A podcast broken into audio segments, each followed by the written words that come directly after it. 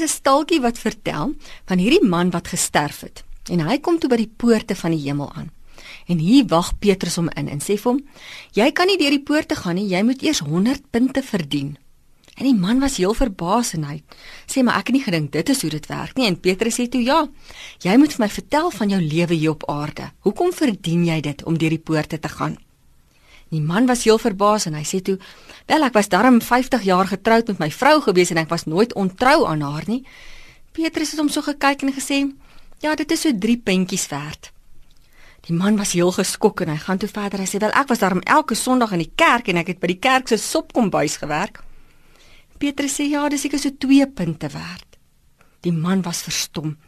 Hy sê toe weet jy maar okay ek het gewerk uh, vir my werkgewer en ek het nooit eers 'n pen huis toe gevat nie. En Petrus sê ja, dis ek ook so 2 punte werd. Die man sê toe: "Goeie aarde, teen hierdie trant gaan dit net die genade van die Here wees wat my in die hemel bring." Net daai het jy dit, sê Petrus.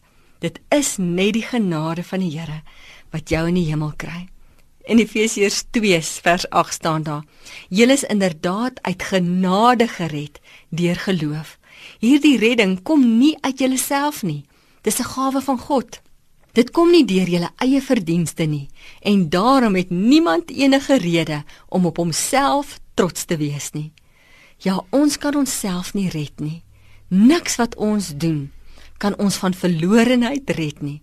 Jakobus sê, al kom jy die hele wet na en jy struikel in een opsig, is dit so goed jy die hele wet nie nagekom nie. Daar's 'n kloof tussen ons en God gewees. En God het die inisiatief geneem en hy het sy seun Jesus gestuur om in ons plek die skuld te kom betaal. In Romeine 3 vers 23 staan daar: Almal het gesondig en het nie deel aan die heerlikheid van God nie, maar hulle word sonder dat hulle dit verdien op grond van sy genade vrygespreek vanweë die verlossing deur Jesus Christus. Daar word vertel dat Martin Luther was eers 'n student in die regte. En toe word hy vasgevang in 'n haalstorm en hy het gedink hy gaan sy lewe verloor en hy maak toe 'n belofte aan die Here dat hy teologie sal studeer as die Here sy lewe spaar. En dit het ook gebeur.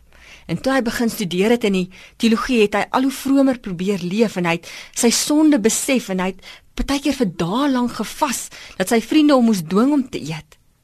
Maar toe loop Martin Luther hom vas in Romeine 1 vers 17. En daar staan: "In die evangelie kom juis tot openbaring dat God mense van hulle sonde vryspreek enkel en alleen omdat hulle glo. Elkeen wat deur God vrygespreek is, omdat hy glo, sal lewe."